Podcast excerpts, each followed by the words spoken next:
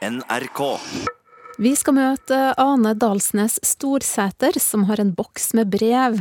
Og de brevene er starten på kjærlighetsforholdet mellom besteforeldrene hennes.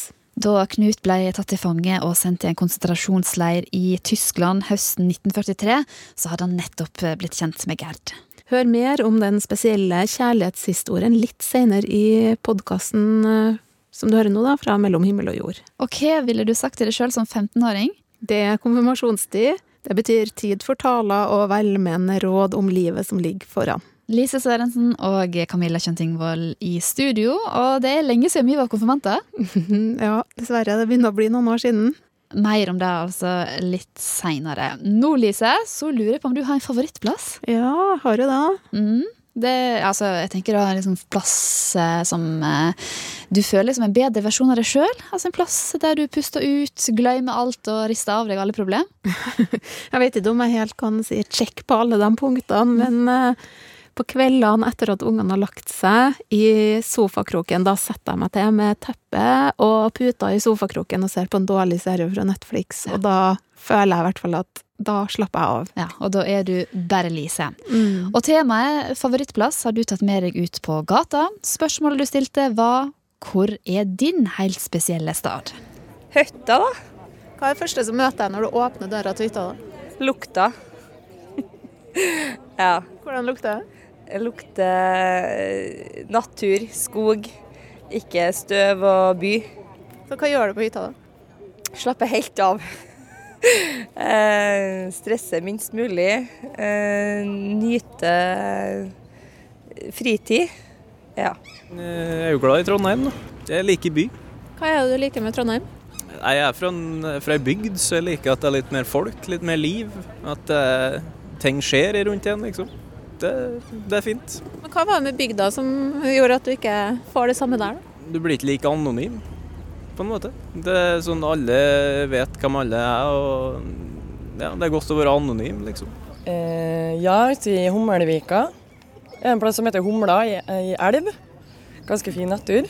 Det er en stor gresslette, og så er det litt sånn skogaktig rundt, og så er gapahuk og ei fin elv med sånn hengebru. Hva gjør det med å være der, da?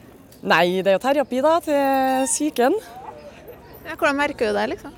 Nei, jeg merker jo at man eh, Hva skal jeg si? At man slipper å tenke så mye da, at man bare Hva det heter det? Uh, ordet litt etter.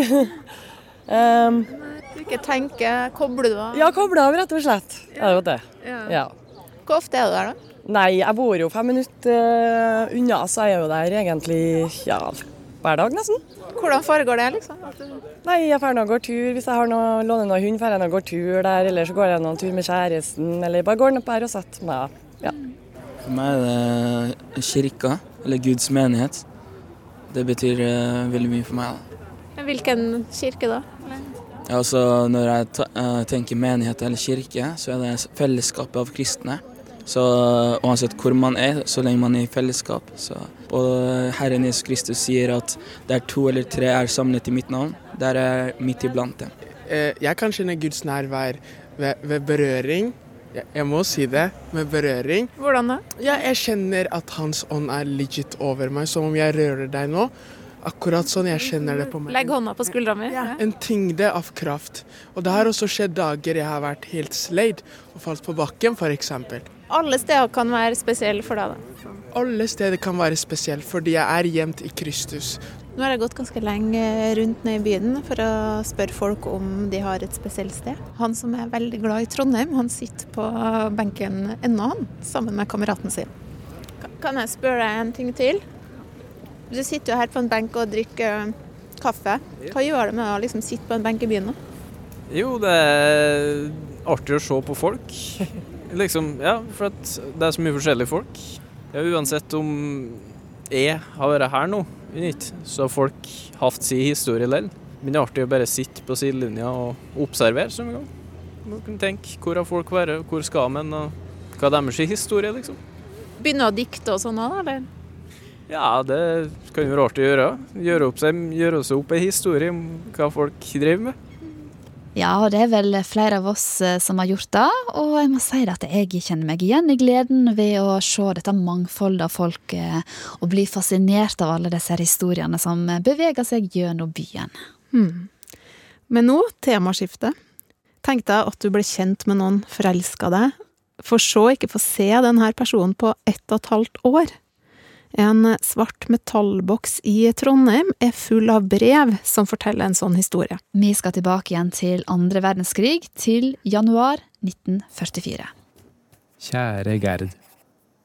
Knut Storsæter sitter i Buchenwald konsentrasjonsleir i Tyskland med en gråblyant og papir. Han har nettopp fylt 27 år, og utenfor ligger noen centimeter med snø. Det er kjølig, klart vær da han skriver sitt første brev til tre år yngre Gerd hjemme i Norge. Jeg skrøt en gang at jeg ikke var så verst til å skrive brev, men jeg ante jo ikke den gangen at jeg skulle fått demonstrere det under slike forhold som nå. En drøy måned tidligere, den 30. november 1943, ble Knut og rundt 1200 andre studenter arrestert i Oslo. Studentene hadde protestert mot naziregimet og halvparten av dem ble sendt til Tyskland for å omvendes til nazismen. En av dem var Knut. De var vel veldig sånn i begynnelsen på forholdet sitt. Det var litt sånn uh, flørting og, og stevnemøter. Uh, så vidt jeg har forstått. Ane Dalsnes Storsæter er barnebarnet til Knut og Gerd. I fjor fikk hun boksen med brevene som ble sendt mellom Tyskland og Norge for 75 år siden han skriver veldig sånn Det kommer veldig godt fram at han er veldig redd for at hun skal kanskje finne på noe annet. Eh, og det kan man jo godt forstå, både fra hans side og hennes side. Så det er en veldig sånn der søt eh, dialog om hvor han måtte prøve å finne ut om, om hun er seriøst interessert i han eller ikke. Da jeg var hjemme, var vi jo mye sammen, men jeg sa visst aldri noe om hvordan jeg så på deg og vårt forhold. Jeg tenkte nok på dette hjemme også, og jeg ønsket ofte å si at jeg mente at dette kameratslige forholdet ikke kunne fortsette slik, og at jeg helst ville at det skulle fortsette i noe annet og mer. Men Knut må vente lenge på svar fra Gerd. Postgang og tysk sensur forsinker brevvekslinga. Brevet fra Gerd ligger i den svarte boksen. Eller det vil si, kladden hennes ligger der. Her er en typisk kladd fra farmor. Det ser ut som det er skrevet på matpapir eller noe sånn veldig tynt papir med gjennomslag. Hun tok vare på sine kladder, for han fikk ikke med seg noen av brevene tilbake. Ellers så hadde jo den eh, biten av historien vært tapt. Så det er jo fantastisk at hun eh, hadde sånn framsyn at hun faktisk tok vare på det. Og den kjærlighetshistorien, den er jo veldig, veldig vakker også. Hva tenker du at eh, det at de kommuniserer gjennom brev har å si for forholdet deres? Det er litt rart å forestille seg hvordan det må ha vært. Det blir jo veldig sjeldent mellom eh, hver korrespondanse. Og, og, noen ganger kommer jo brevene i feil rekkefølge pga. sensur eller postgang eller sånne ting. Så eh, det blir jo veldig mye tid hvor man sitter for seg sjøl og, og, tenker og undrer og, og lengter, som jeg tror eh, det bygger jo opp veldig følelse, da. Og, og savn og, og lengsel. Jeg har jo skrevet en del i denne tiden. Noen av dem inneholder også ting som jeg gjerne vil at du skal vite, for i dem har jeg forsøkt å si en del som jeg ikke fikk sagt mens jeg var hjemme, på grunn av min overraskende forsvinnen. Sant å si så er det ganske stor betydning for meg og hva det har å si til en del av dette, så du skjønner nok at jeg går og venter på brev fra deg. Um, og når du da får, endelig får det her brevet, og det står det du ønsker at det skal stå, så må jo det ha vært en helt uh, fantastisk følelse. Åh, oh, jeg setter så uendelig stor pris på å høre fra deg, Knut, som du sikkert forstår. Godt å vite at ikke du har glemt meg helt ennå, ser du. Jeg håper inderlig at ikke du kommer til å gjøre det heller, og at vi fortsatt er like gode venner, og gjerne vel så det, når du kommer tilbake. Det ville i hvert fall ikke vært meg imot. Ærlig talt så lengter jeg etter deg, så jeg under tiden går rundt med en klump i halsen større enn et eple. De første månedene går nå nesten med på å, å, å, kjenne litt på hvor de står, og bli kjent og, og eh, bli sikre på at de har følelser for hverandre. Og så har de en litt sånn periode, føler jeg, hvor de liksom eh, blitt enige om at de, skal være sammen. Og da går det jo litt mer tilbake til sånn og, om hverdagslige ting og, og, sånn som du kanskje vil, vil gjøre et forhold. av. Og mot slutten så er det jo den forventninga av at nå kanskje, kanskje det går det bra, kanskje kan krigen ta slutt, og kanskje kan vi faktisk få være sammen. Som før det kanskje føles som et litt sånn der litt sånn desperat håp, så blir det litt mer sånn eh, håndfast og, og reelt på slutten. I januar 1945 begynner Knut og Gerd å tro på at krigen kan ta slutt. I brevene blir likevel en bekymring synlig.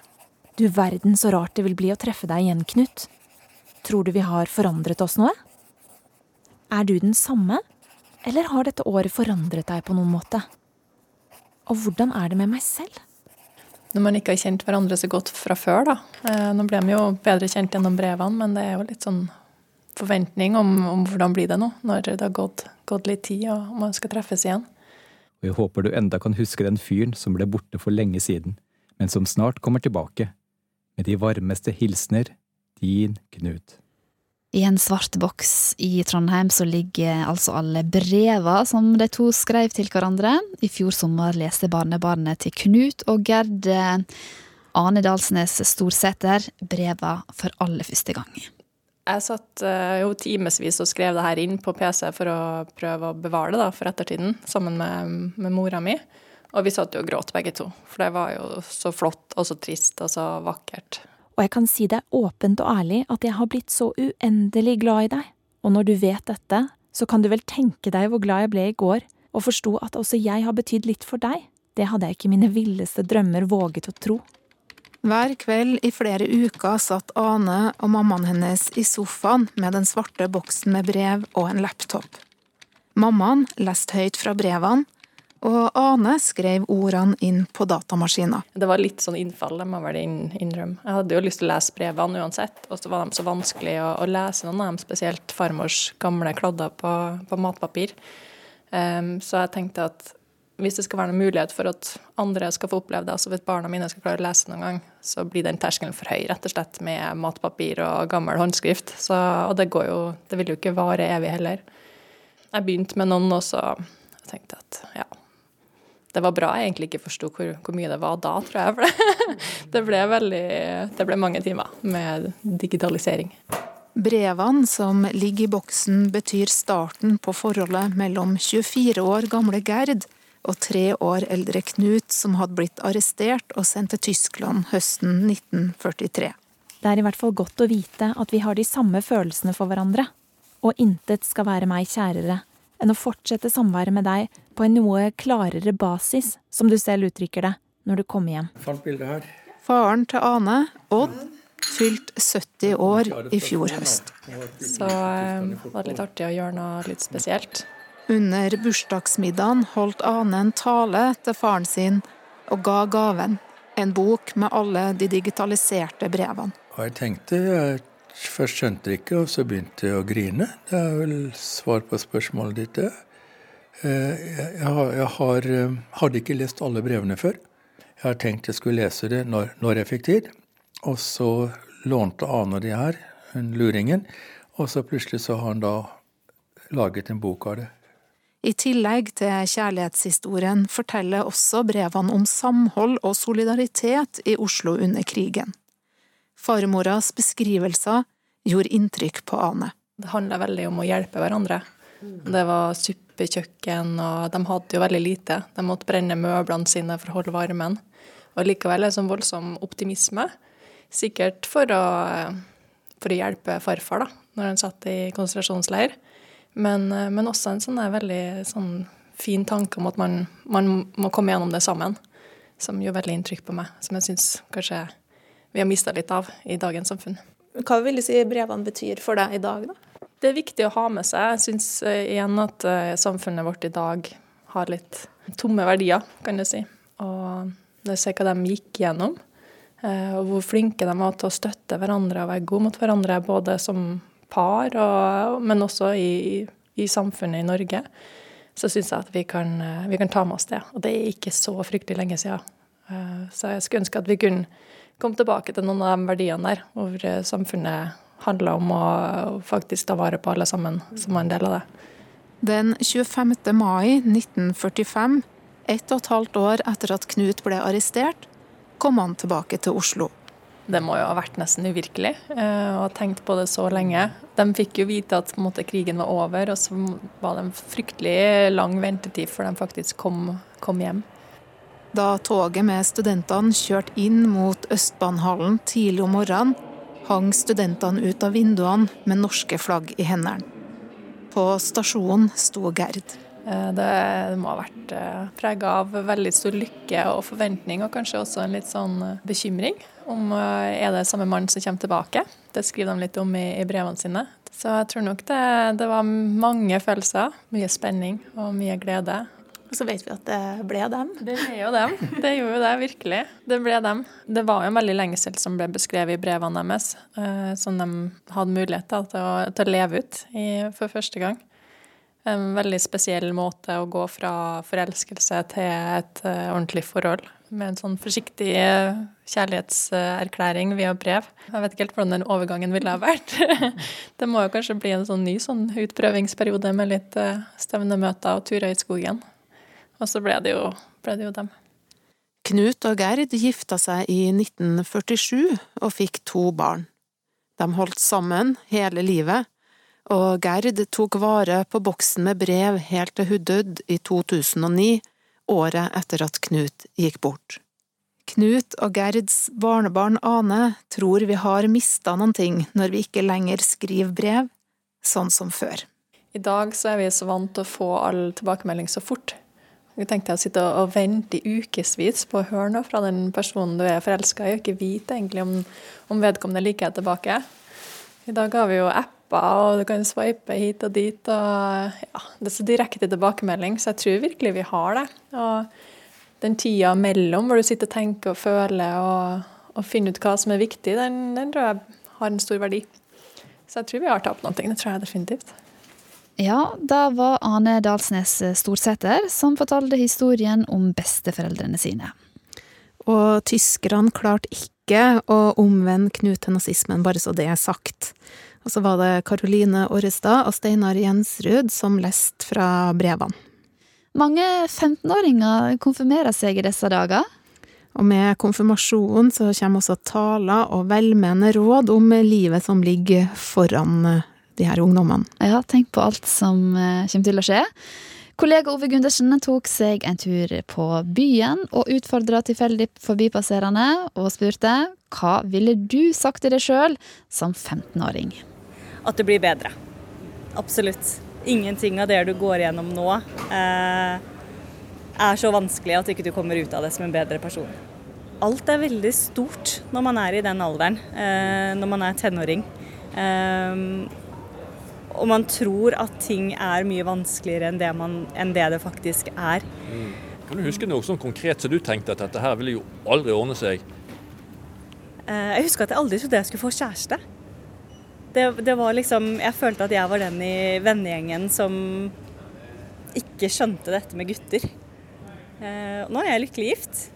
Ja. med, med, to bonusbarn og Ja, så ting har ordna seg, ja. Hva ville du sagt til deg sjøl som 15 år gamle gutt, eller ungdom? Okay. Jeg ville ha sagt faktisk til meg sjøl, så ville jeg sagt å være mer for alle, og ikke kun for meg sjøl. Altså, jeg ville ha gjort mer for å være en del av et fellesskap, og ikke kun være for meg sjøl. Tror jeg ville ha sagt som, jeg, som, et råd. Jeg har fått til det nå, ja. la oss si det sånn, men før så holdt jeg meg litt tilbake. da. Jeg føler at det var noe jeg ville ha sparka meg sjøl i rumpa for å få til. Så. Er det noe spesielt du ville sagt til deg sjøl som 15-åring? Ja, jeg vil vel kanskje ha sagt at uh, skru ned forventningene noe. Akkurat. Vær nøktern i alt du foretar deg, for da vil også gleden bli desto større. Hadde du veldig store forventninger som ikke har blitt innfridd på en måte, eller? Ja, på en måte hadde jeg det. Og for da trodde jeg liksom hele verden lå foran.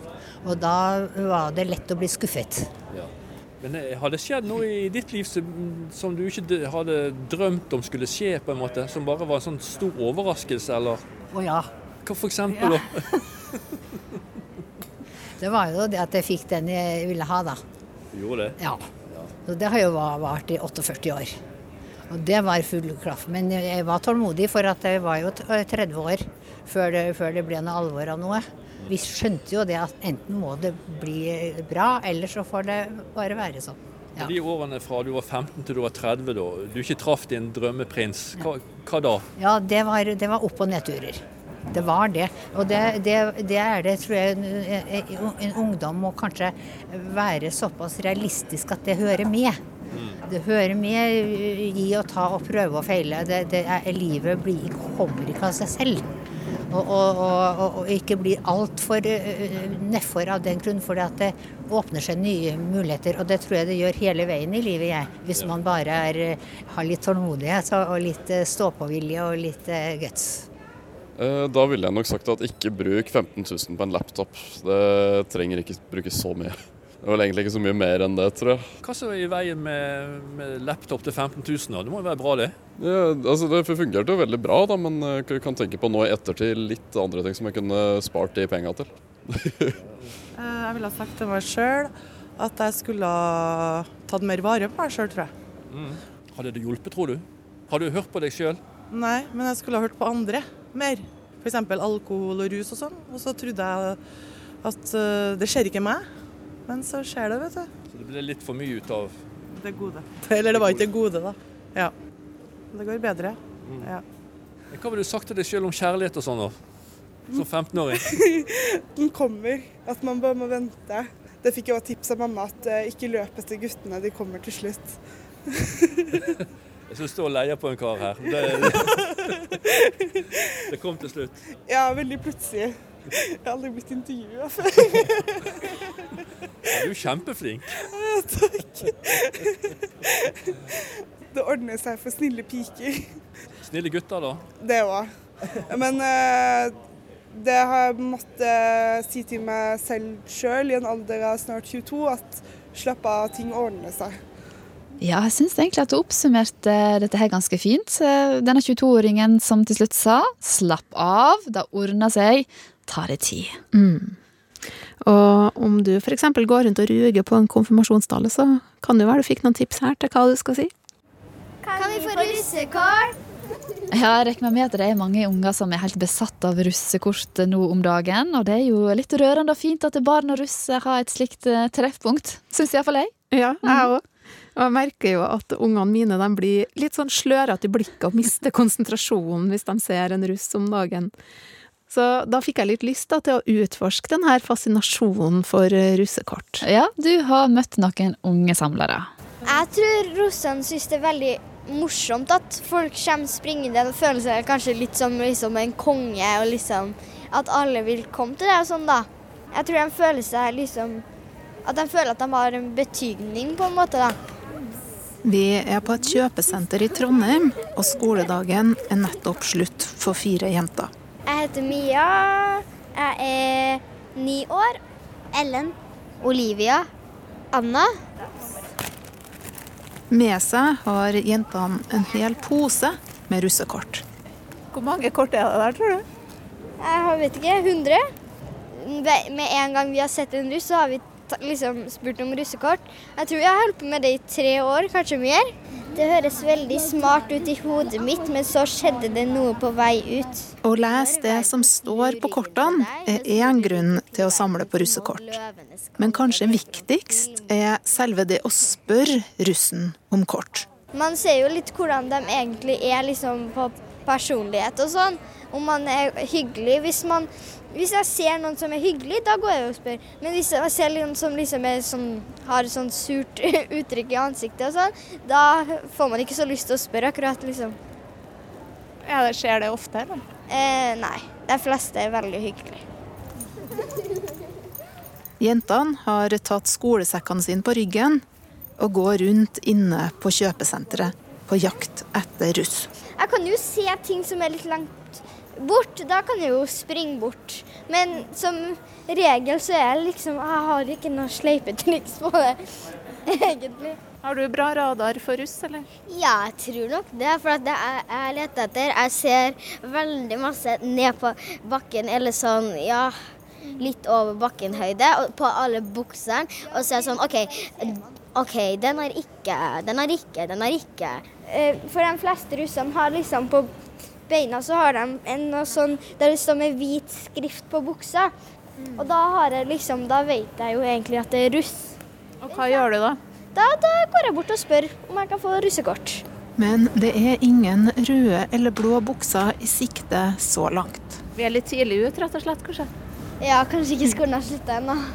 Vi håper at de har slutta da. Ja. Gleder du deg til å bli russ sjøl, eller? Um, ja, litt. Det, det høres jo litt morsomt ut, da. Å liksom å dele ut russekort til folk som liksom er helt gærne etter det sånn. Ja, Hvordan skal du være mot ungene som kommer og spør deg? Eh, at når jeg blir russ, så tror jeg jeg kommer til å være, bli, være hyggelig mot dem. Og jeg kommer til å liksom si sånn Ja, bare ta, liksom. Jeg kommer til å være ganske hyggelig, tror jeg. Fordi at uhyggelige mennesker, det fører ikke til glade barn. Jentene har speida etter russ en god stund, og det ser dessverre dårlig ut på russefronten. Men så, et stykke unna, når rødt. Jentene drar av gårde. Kan vi få russekort? Yay! Tusen takk. Takk. Takk. Hvordan syns du det å bli spurt? Det er ganske eh, hyggelig å se at det er så mange som syns det er en artig greie. da. Så gjorde du det sjøl da du var barn? Ja, jeg elska å samle masse russekort når jeg var like, like gammel som dem her. da. Så jeg jeg vet jo hvor gøy det er, så jeg vil jo gjerne gi dem. Hva står det på hennes, da? Det står 'ikke gi opp drømmene dine, sov i stedet'. Den var artig, eller? ja. Det er tydeligvis gøy å samle på russekort. Var det sånn for deg òg, Camilla? Ja, jeg husker tilbake igjen til de dagene. Altså, så du en russ, så var du rett og slett totalt betatt av denne russen. og russekorta, så klart. Ja, Mm. Herlig. Men nå skal det handle om noe helt annet, da. Ja, det skal handle om muslimene sin faste måned ramadan. Startskuddet gikk eh, 6. mai. Og Det betyr at i ukene fremover så kommer millioner av mennesker verden over til å stå over mat og drikke mellom soloppgang og solnedgang. Didrik Søderlind tror ikke på Gud, men han har flere ganger bedt og fasta med muslimene. Ja, altså jeg, jeg registrerer at folk reagerer på det, men at de syns det er rart og sånn. Eh, Men for meg så er det den naturligste tinga i verden. Ja, Didrik eh, skal senere i sendingen forklare hva han som ateist får igjen for å faste med muslimene. Men først så skal vi høre hvordan han opplevde å ta del i ramadan for noen år siden. Jo, altså jeg òg våkner rundt skyv som jeg pleier. Det er det kroppen min er vant til. Eh, og det er, virker som en helt vanlig dag, men så kan jeg ikke spise frokost. Og jeg kan ikke ta det glasset med vann som jeg pleier å ta før frokosten. Og jeg kan ikke drikke kaffe. Og da blir dagen med en gang veldig, veldig annerledes. Eh, og jeg vet at jeg kan ikke spise eller drikke før etter klokka ni om kvelden. Og etter det så blir ting veldig, veldig rare. Eh, Det er litt som å se livet sitt utenfra. Fordi du blir stengt ute fra de vanlige vanene dine. Du får et helt annet perspektiv på deg selv og på hverdagen din. Eh, Og utover ettermiddagen så blir du Du blir slapp av matmangel. Eh, Du blir litt mer irritabel. Og det er jo noe man må kjempe for å overvinne. Det er jo poenget med det hele. Og, men verst er det å ikke kunne drikke. Og du går ned en buksestørrelse mellom morgenen og kvelden. Så du må spenne beltet strammere. Eh, og du går inn i en litt sånn drømmelignende tilstand. Hvor eh, tiden går litt langsommere. Eh, og, alt blir litt sånn rart. Det er litt som å som å vasse i sirup noen ganger. En veldig spesiell opplevelse. Spesielt for en som meg, som ikke er noe glad i rusmidler, så er dette en måte å få en veldig sånn annerledes blikk på seg selv og på hverdagen. Ja, det var altså under ramadan for fire år siden at eh, rådgiver i Human-Etisk Forbund, Didrik Sødelin, bestemte seg for å slå seg i lag med muslimene for å teste ut hvordan det er å gå uten mat og drikke mellom soloppgang og solnedgang. Nå er fastemåneden her igjen, og Didrik kan håpe at helsa tillater at han kan følge ritualene. Og det er mange som stiller spørsmål rundt eh, hvorfor han, da, altså en som ikke tror på Allah, blir med på dette her. For Didrik så føles det egentlig helt naturlig. Ja, altså jeg, jeg registrerer at folk reagerer på det, men at de syns det er rart og sånn. Eh, men for meg så er det den naturligste ting av verden. Jeg er en livssynsnerd som jobber i livssynsavdelingen i et livssynssamfunn og jeg syns ikke det er så veldig rart at jeg er interessert i livssyn. Eh, og interessert i å prøve ut praksiser og skikker som er assosiert med andre livssyn. Og sånn som jeg tenker rent sånn matnyttig på det, altså dette er en skikk som har vært med på å gi livsmening til en vesentlig del av verdens befolkning i 1400 år kan, den kan ikke være uten verdi. Den kan ikke være uten positive sider, som jeg har lyst til å oppleve og se hva jeg kan få ut av. Det var i 2015 at Didrik Søderlind heiv seg med første gangen. I et par uker så vil han føle på kroppen hvordan det er å gå uten mat og drikke i 21 timer. Dette ga mersmak, og neste år så prøvde han igjen. Sjøl om ikke Didrik tror på Allah, så har han eh, så veldig lyst til å forstå alle disse her millionene av muslimene som faster hvert eneste år. Jeg, som nevnt er jeg verdens største matvrak, og jeg har lært at jeg faktisk klarer meg uten mat et, eh, et døgn. Jeg har lært at jeg klarer å kontrollere den irritasjonen eh, som kan følge med å ikke ha fått mat på ganske mange timer. Jeg har lært veldig mye om islam, som er en av verdens viktigste religioner, og som det er nyttig for en livssynsnerd å kunne en del om. Jeg, har, jeg syns jeg forstår muslimer mye bedre. Jeg har fått flotte opplevelser med å bli invitert inn i deres hjem på fastebruddsmåltider. Jeg har lært mye av å bli invitert i moskeer på fastebruddsmåltider der, og bedt sammen med dem og, og sånn. Altså, jeg har sett sider ved mitt eget samfunn som mange hvite majoritetsnordmenn som meg ikke egentlig får med seg. Og det har vært utrolig, utrolig lærerikt for meg, og ikke minst veldig veldig morsomt. Men, men har det gjort eh, noe med måte, din egen tru og det du tror på, ved å, å faste? Ja. Eh, jeg syns alltid det er veldig nyttig å prøve å se mitt eget livssyn litt utenfra. Eh, fordi jobben min er til en viss grad å gjøre humanismen bedre. Eh, og det er ofte veldig vanskelig å se humanismen utenfra når man står midt oppi det. Men det å prøve å ta et skritt litt til siden, eh, og prøve å titte litt på det utenfra, det har vært kjempenyttig for meg i mitt arbeid. Og det har også vært med på å gi meg ideer og sånn som vi kan rappe jeg har jo eksempel på, på, noe du har tatt med deg fra islam, som du syns gjør humanismen bedre, eller iallfall i ditt liv? da? Noe muslimer har inspirert meg til, er å være mer opptatt av veldedighet. Eh, og gi av de pengene jeg har, til eh, gode formål. Um, Så du har blitt mer raus? Ja, jeg syns faktisk at jeg har blitt mer, blitt, mer, litt, blitt litt mer raus. Men uh, du er ikke redd for å miste ditt eget livssyn uh, oppi dette faste prosjektet? Altså, Et poeng her er at mitt livssyn, humanismen, altså ordet humanisme, kommer ikke egentlig fra livssynssammenhengen. Det kommer fra pedagogikken og handler om studiet av mennesket. Og Det er derfor det er et humanistisk fakultet på Blindern, f.eks. Og for meg så er det å studere mennesket som dyr og som livssynsdyr, det er en del av min humanistiske praksis. Så for meg så er det å lære om livssyn, det er en av de tingene jeg gjør som humanist.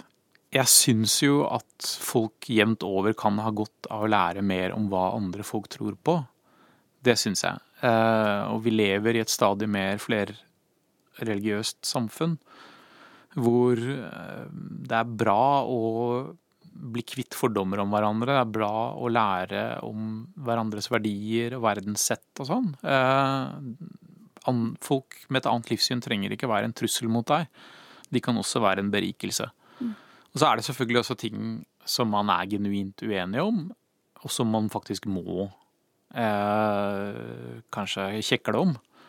Men da er det mye bedre at de debattene man må ha om det, kan være for det første grunnlagt på altså, reell kunnskap, og ikke skinnuenighet. Og også at det ligger en sånn respekt for hverandre i bånd, da. Det tror jeg også er veldig, veldig lurt. Mm. Debatter blir gjerne mer konstruktive da. Ja, det sier Didrik Sødelin, ateist og rådgiver i Human-Etisk Forbund. 6. mai starta muslimene sin fastemåned ramadan.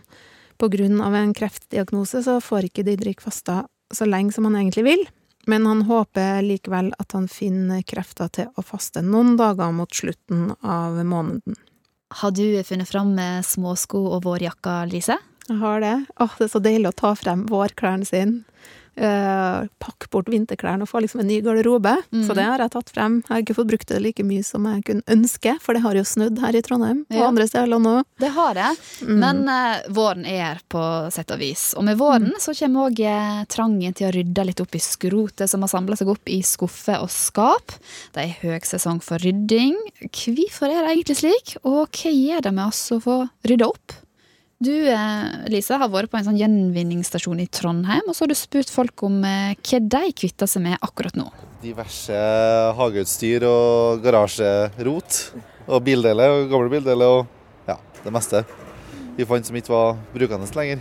Men Hvorfor håper hoper det seg opp så mye med skrot, da? Nei, eh, latskap, ja, jeg vil si. Det er egentlig bare derfor. Latskap og ikke eh, gå og rydde opp etter hver gang du holder på med noen ting. Det bare et hjørne, så blir det samla opp over tid. Hvorfor akkurat nå, da? Nei, været gjør at uh, du får ånden over deg. da. Når det ikke er grått og kjedelig og det faktisk begynner å bli sol. og Du føler du bare vil få ordna opp i litt ting før sommeren treffer inn. Så du slipper å sitte med det i sommerferien. Så Hvordan føles det å komme hjem nå og det er ryddig, tror du? Nei, det gjør det at du kan slappe av litt mer da, og så bare sitte ute og nyte været istedenfor. Når det virkelig blir bra. Ja, den er helt fin. Ja, at, uh... Den eh, blir metall, for den er ikke komplett. Da blir det vær for oss å få det Ok. solgt. Hva er det du kvitter deg med i dag? Forskjellige papp og ting som ikke blir brukt. Som, og sykler, ser jeg. Sykler, sparkesykler. mm, ferdig med dem? Ferdig med dem.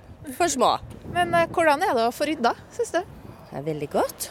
Det er jo det. Så kan levere fra seg ting som andre kan bruke igjen, da.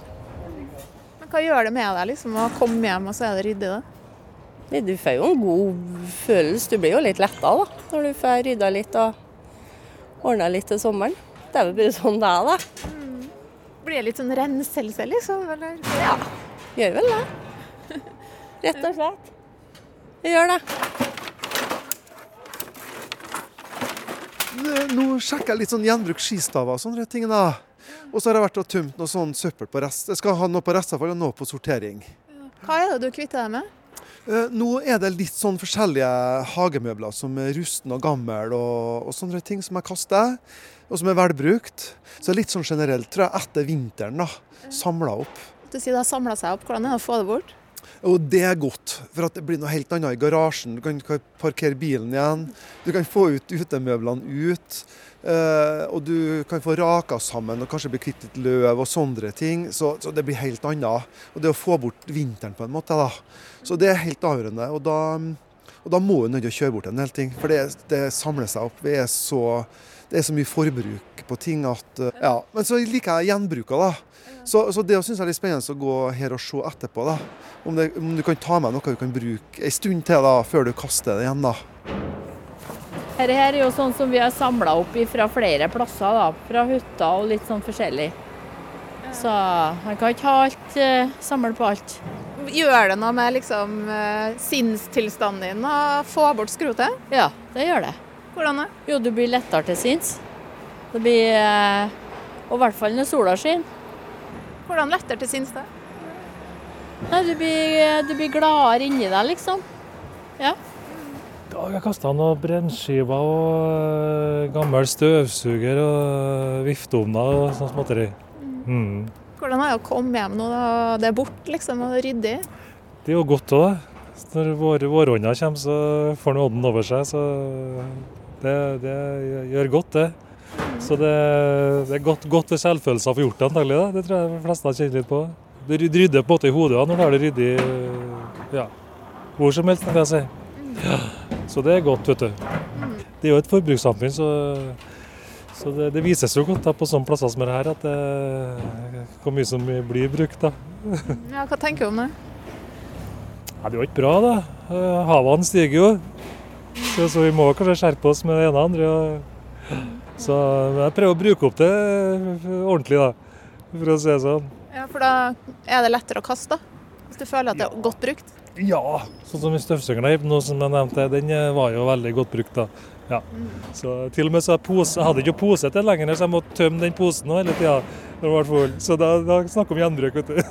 gjenbrukte posen òg, Det var litt tregt, det. Ja.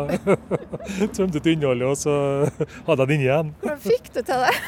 Nei, Det går jo bra, det, men litt mer arbeid. så, så, så jeg kjøper ikke nytt hele tida. Ja, det er på en måte en slags sånn eh, renselse å få kvitta seg med ting som en ikke trenger lenger. Og så må vi huske på at det, det som du ser på skrot, kan være en sånn stor og fin skatt for andre. Mm. Vi har jo rydda veldig mye hjem til oss, mm. og vi har fått solgt veldig mye ting som vi ikke trenger. Og så finnes det jo mange bruktbutikker i landet òg som blir glad for ting som eh, kanskje du og meg ikke har bruk for lenger. Mm, absolutt. Du, eh, nå så skal vi møte komiker Espen Lervåg her i podkasten vår. Han er kristen, men akkurat at han er kristen, da flagger han ikke når han møter folk for aller første gang. Jeg eh, er ikke en type som flagger at jeg er kristen med første så fort man møtes. Klistremerket det skal ikke være på meg før folk kjenner meg. Nå er det faen meg helga! Jeg er altså da Espen eh, Petrus Andersen Lervåg. Langt navn. Og så er han 41 eh, år gammel, tobarnsfar, komiker, skuespiller og manusforfatter med en Instagram-profil full av tull og tøys.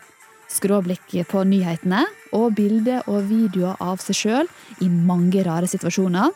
Her eksempel som karakteren Fredagsmannen, kledd i tettsittende drakt, med den nakne magen hengende ut, våt og klissete etter å ha spylt seg sjøl med brus for å feire at det er helg. Han er nok sånn som vi nordmenn er når, når fredagen kommer. Det er uh, euforisk lykke og, over det at du skal hjem og se på taco og Nytt på Nytt. Og det, den følelsen, den, den, prøvde jeg å formidle på en, på en, litt annerledes måte. Ja, Du liker iallfall å by på det sjøl, ja? Ja da, det må man på en måte. Espen vokser opp blant pinsevenner på Åros i Buskerud, og ser på seg sjøl som kristen den dag i dag. Jeg tror på Gud og Jesus og hele bøtteballetten, holdt jeg på å si. Men jeg skjønner det slik at eh, du venter litt med å fortelle folk at du er kristen? Ja, jeg eh, er ikke en type som flagger at jeg er kristen med første så fort man møtes. Folk setter deg i den kristne båsen med en gang, så er det livsfarlig. For da får du ansvaret for alt det som er gjort i kristendommens navn til enhver tid. Det må du svare for, fordi du sier at 'jeg er kristen'. Men har du eksempel der eh, du havner i en situasjon der eh, folk dømmer deg med en gang? På grunn av trua di? Eh, ja, jeg har ikke noen sånn konkrete eksempler på det. Fordi som sagt, jeg har vært veldig forsiktig med Men jeg, jeg ser jo hvordan Jeg har jo mange kristne venner den dag i dag. Siden jeg kommer fra den bakgrunnen, så har jeg mange kristne venner. Og mange av de er opptatt av sånn Kom på en ny arbeidsplass, så er det viktig å få sagt de tingene da blir man på en måte satt i den båsen med en eneste gang. Og det er litt vanskeligere å forholde seg til en kristen for andre mennesker enn det er fordi de tenker at de må være på en spesiell måte. Eh, kan jeg si dette? Kan jeg gjøre dette? Så, så, jeg mener jo at det hjelper jo begge parter å bli kjent først som mennesker, og så kan man heller begynne å snakke om de tingene som er ganske dyptgående og store temaer, da. Men når du da sier at du er kristen, de har kommet eh, litt lenger ut i vennskapet, hvordan reagerer folk da? Nei, da er det jo mye greier å forholde seg til, for da veit de at jeg er, er, sånn som de. Og de vet jo at jeg har ikke noe øh, Jeg har liksom ikke noe eh, jeg, jeg er sånn Vi er likemenn, da. Eh, bortsett fra at de vet at jeg snur meg en vei når jeg møter utfordringer som kanskje, kanskje er interessant, kanskje de er nysgjerrig på det. Eh, men men livet, livet vårt er ganske like. Eh, og, og det er enklere å forholde seg til enn om det er en sånn eh, Ja, for da, for da kjenner vi hverandre. Så det blir på en måte ikke noe tema? Nei, det blir ikke noe tema, men det, man, ofte møter man jo på nysgjerrighet. Det er jo det. Ja, virker det? Uh, har du sett eh, det og det? Liksom, det er, folk lurer jo på hvordan det her fungerer. De forbinder ofte kristendommen med moral, Uh, en måte å leve på, og litt kjedelig og traust, dessverre. Uh, at man på en måte er litt kjedelig da, for man kan ikke gjøre de og de tingene. Man kan ikke tulle med det. De møter jo ikke det hos meg. Kanskje noen syns jeg er kjedelig, det, det, det, det, er helt greit. Men eh, jeg har på en måte et ganske normalt liv i forhold til de fleste andre menneskene. Og det tror jeg er litt sånn fint for folk å se og oppleve. Nei, for nå tenker jeg òg at du er på riksdekkende radio, og det er ikke alle som, som kjenner deg personlig, som hører på. Så de får jo på en måte et uh, Første møte med deg er jo uh, at uh, ja, du er kristen. Ja, og så kan de gå inn på Instagrammen etterpå, så får de rast ned hele det bildet igjen. nei, altså, nei det, er, det er ikke noe farlig for meg, det. Og det er på en måte det betyr, det betyr, ikke Jeg er ikke flau over det. Jeg har ikke noe sånn betenkelighet med det, men jeg er livredd, som sagt, som jeg, at jeg skal bli definert sånn som uh, mange kristne er i Dessverre fortsatt er. Uh, det, det, er jeg ikke noe glad for. Så jeg håper jo, hvis folk blir første gang kjent med meg og hører meg nå som en kristen, så håper jeg de har fått med seg hvor viktig det er at noen Det fins drittsekker i alle bransjer, også blant kristne, som utøver makt og ting på en feil måte. Og sånn ser man overalt. Og den, den labelen må man ikke putte på hvem som helst. Nå er det Espen Lervåg mener han først og fremst er seg selv, og så kristen. Og nå skal Espen fortelle hvorfor han mener at Jesus er et godt forbilde, spesielt for eh, tøffe menn i 40-åra. Det er klart det er et forbilde for meg også. Eh, det er jo historiene som blir fortalt om han, og hvordan du ser han levde livet sitt. Han var jo en eh, han har jo satt Det er jo kanskje den mannen i historien som har gjort størst fotavtrykk på historien vår. Men samtidig så er han jo en fyr som turte å være svak, og turte å vise svakhet eh, selv om man skulle være sterk. Han var en fyr som øh, ikke på en måte claima svaret alltid når han ikke hadde svar. Han, tørte, han, han var et helt menneske, da, på godt og vondt. Uh, han blei sint. Han, han, var glad, og han spurte Gud om han kunne få slippe å dø på korset fordi han så at denne utfordringa blei for stor for han å bære.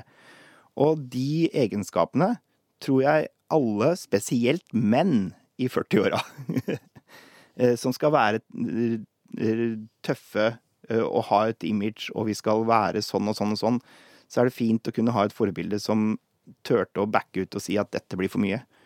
Eh, fordi det tror jeg På den måten så tror jeg Jesus er et litt sånn glemt forbilde. Mm. Eh, man ser på å dra fram de tingene som, som eh, hvor, han gjorde store ting.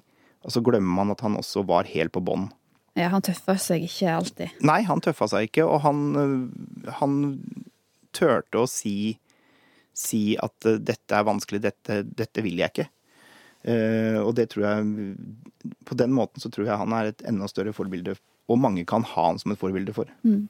Hvordan kommer denne egenskapen her til uttrykk i ditt liv, da? For å være litt personlig? Ja, nei, det er jo uh, Jeg også må jo Jeg også er jo en mann av min generasjon, og merker jo ofte at det å innrømme svakheter er vanskelig. Spesielt i relasjoner som er nære, familie, venner. Så er jo det, det å kunne si at dette har jeg ikke lyst til, eller dette, dette får jeg ikke til, dette blir for mye for meg, nå har jeg det vanskelig.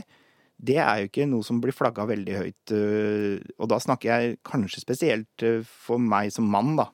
Øh, du ser jo i kraft av hvor åpenheten rundt psykisk sykdom og alt sånt har blitt nå, at jeg tror flere hadde, har godt av å kunne si nå, nå, er det, nå er det vanskelig. Det det, men det er ikke jeg flink nok til heller. Og det tror jeg på en måte handler om at du ønsker å være sterk, Mm. men du må tørre å være litt svak òg. Men klarer du det? Å vise at du er svak innimellom? Ja, innimellom gjør jeg det. Eh, Jeg skulle gjerne ønske jeg gjorde det litt før, fordi jeg er ofte flink til å si at eh, jeg venter helt til jeg ser at korthuset faller sammen, og nå sier jeg nå hjelp! Jeg skulle ønske på en måte man var eh, enda flinkere til å være litt preventiv. Å Og si fra litt før. Det tror jeg på en måte er Da, da blir ikke skadene så store. Mm.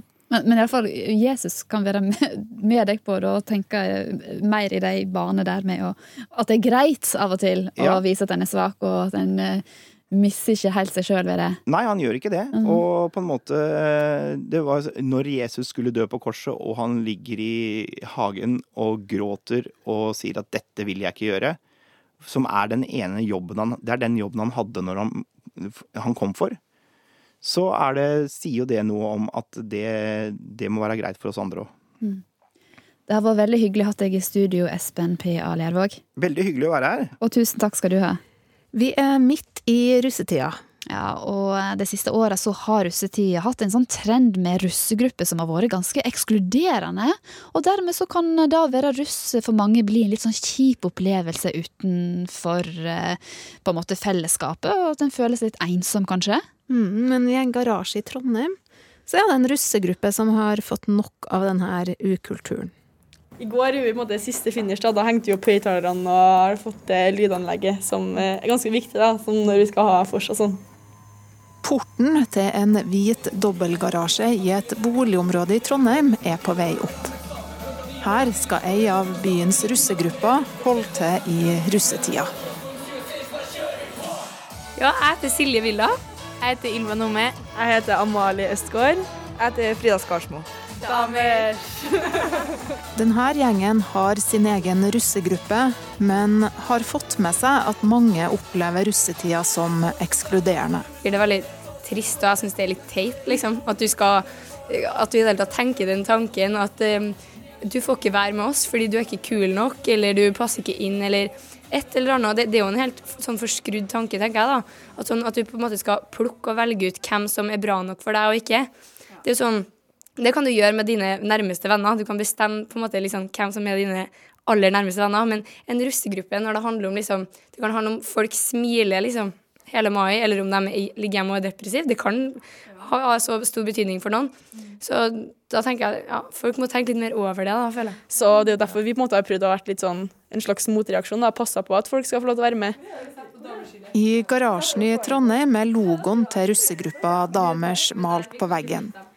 Russegruppene har også gjerne egen buss, sang og genser, og dermed blir det veldig tydelig hvem som er med, og hvem som er utenfor. Tidligere så har lærerne på skolen reagert veldig på at i spesielt mai så har det blitt veldig synlig hvem som har russegruppe og ikke. Og det er fordi at alle som har russegruppe har gått med hettegenser, og alle som ikke har russegruppe har gått i T-skjorte. Og så I tillegg så er jo ikke russetida lenger bare de 17 dagene fram til 17. mai. For oss da så er det kanskje hovedsakelig tredje klasse på videregående, men for andre er det også kanskje tre år på videregående. Og da er det veldig ofte sånn at du sitter med russegruppa di i lunsjen på skolen, og du henger med dem ofte på fritida, og hvis du da ikke på en måte kom inn i en russegruppe da, eller hadde en vennegjeng som på en måte passa til å lage en russegruppe med, så er det kanskje litt vanskelig da, for eksempel å sette seg med folk i lunsjen, eller du føler det ikke bare liksom, på fritida, men også på skolen og ja, sånn, på en måte sånn der, de, sånn helt sånn de generelle sammenhengene, at du blir utestengt, liksom. Spillelista for russetida er klar, og det er også resten av garasjen. Og så har vi jo stor sittegruppe her, da, som vi kan eh, være på både vors og nach og samlinger når vi vil. Og så har vi jo lagd en liten sånn kul tiki-bar i hjørnet. Den lille, lille ovnen her, det er jo studentovnen til pappa fra hans eh, tid som ung.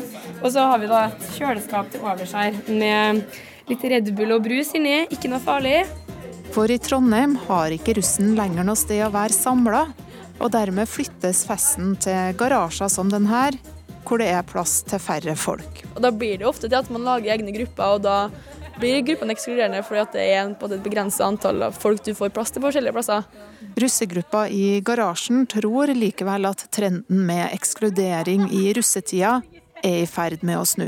Jeg tror flere begynner å kjenne på det her med at det kan være mange folk som liksom holdes utenfor i russetida og syns det er vanskelig å både inkludere seg selv og kanskje bli inkludert. For at uh, mange mener at det er sitt eget ansvar å passe på at du liksom er en gruppe, men for mange er det kanskje veldig vanskelig også å finne folk du kan lage en russegruppe med, eller å ta steget og faktisk spørre kan jeg få lov til å være i russegruppa deres. Så jeg tror liksom folk begynner å kanskje se det, da, at det er viktigere å heller inkludere folk, og at russetida kanskje ikke blir dårligere av at flere får være med, eller at det er på en måte litt mer åpent da, istedenfor å ha veldig lukka grupper. At russen på en måte har begynt å jobbe litt mot det, kanskje, og åpne litt mer for andre folk. Og, for at nå har det liksom toppa seg litt. da. Jeg håper ikke at det går den veien, men kanskje vi hjelper å snu litt. da. Jeg tror jo egentlig det skjer. For første gang har skolen de går på, Tora Storm, en egen inkluderingssjef som er med i russegruppa i garasjen. Ylva har bl.a. fått laga en genser for hele avgangstrinnet på skolen, som 200 av 270 russ har kjøpt. Og så utover det så er egentlig bare rollen min å passe på at folk har kontaktinformasjonen min. De kan sende meg melding når som helst om hva som helst. Om det er det at de ikke har råd til å bidra på skoledugnaden, eller om det er det at de ikke har noe for seg å dra på før, i dåpen da, f.eks., så skal jeg liksom være et slags sånn uhøytidelig mellomledd som de kan sende melding til, og bare være på en måte en medelev som tar litt ekstra ansvar. Jeg føler jo også da at nå, nå, prater jo vi fra samme ståsted, vi går alle sammen på Tora Storm videregående. Um, og vi har jo som en av våre, våre kjerneverdier inkluderende. Så ja, men jeg føler jo at vi har fått proppa det inn i hodet vårt helt siden vi gikk i første klassen, at dere skal være inkluderende, vi er en inkluderende skole, at, at det er veldig viktig, da. Og jeg føler jo at det gjenspeiler seg i hvordan vi er på Tora. Så vi sier det jo fra hvordan det er på, på vår skole, men det kan jo godt hende at det er helt annerledes på andre skoler. Gleder dere dere nå, eller blir det bra? Ja, jeg gleder meg masse. Jeg tror det blir kjempeartig. Det er nesten litt sånn vanskelig å tro at nå er det bare liksom et par dager igjen, og så er vi russ. For det er liksom sånn man har sett man har liksom sett på russen helt siden man er sånn fem år og går rundt og samler russekort, og nå er det oss, liksom. Så det blir jo kjempegøy. Å, hallo, for en fin gjeng dette var. Og kanskje kan dette her med en inkluderingssjef bli en tradisjon framover. Håper det. Mm. Men det her var i alle fall det vi hadde for denne gangen. Ja, det var det. Lise Sørensen og Camilla Kjøntingvold heter vi. Skal i gang med neste sending. Mm. Vi høres igjen neste mandag. Ha det bra. Ha det. NRK.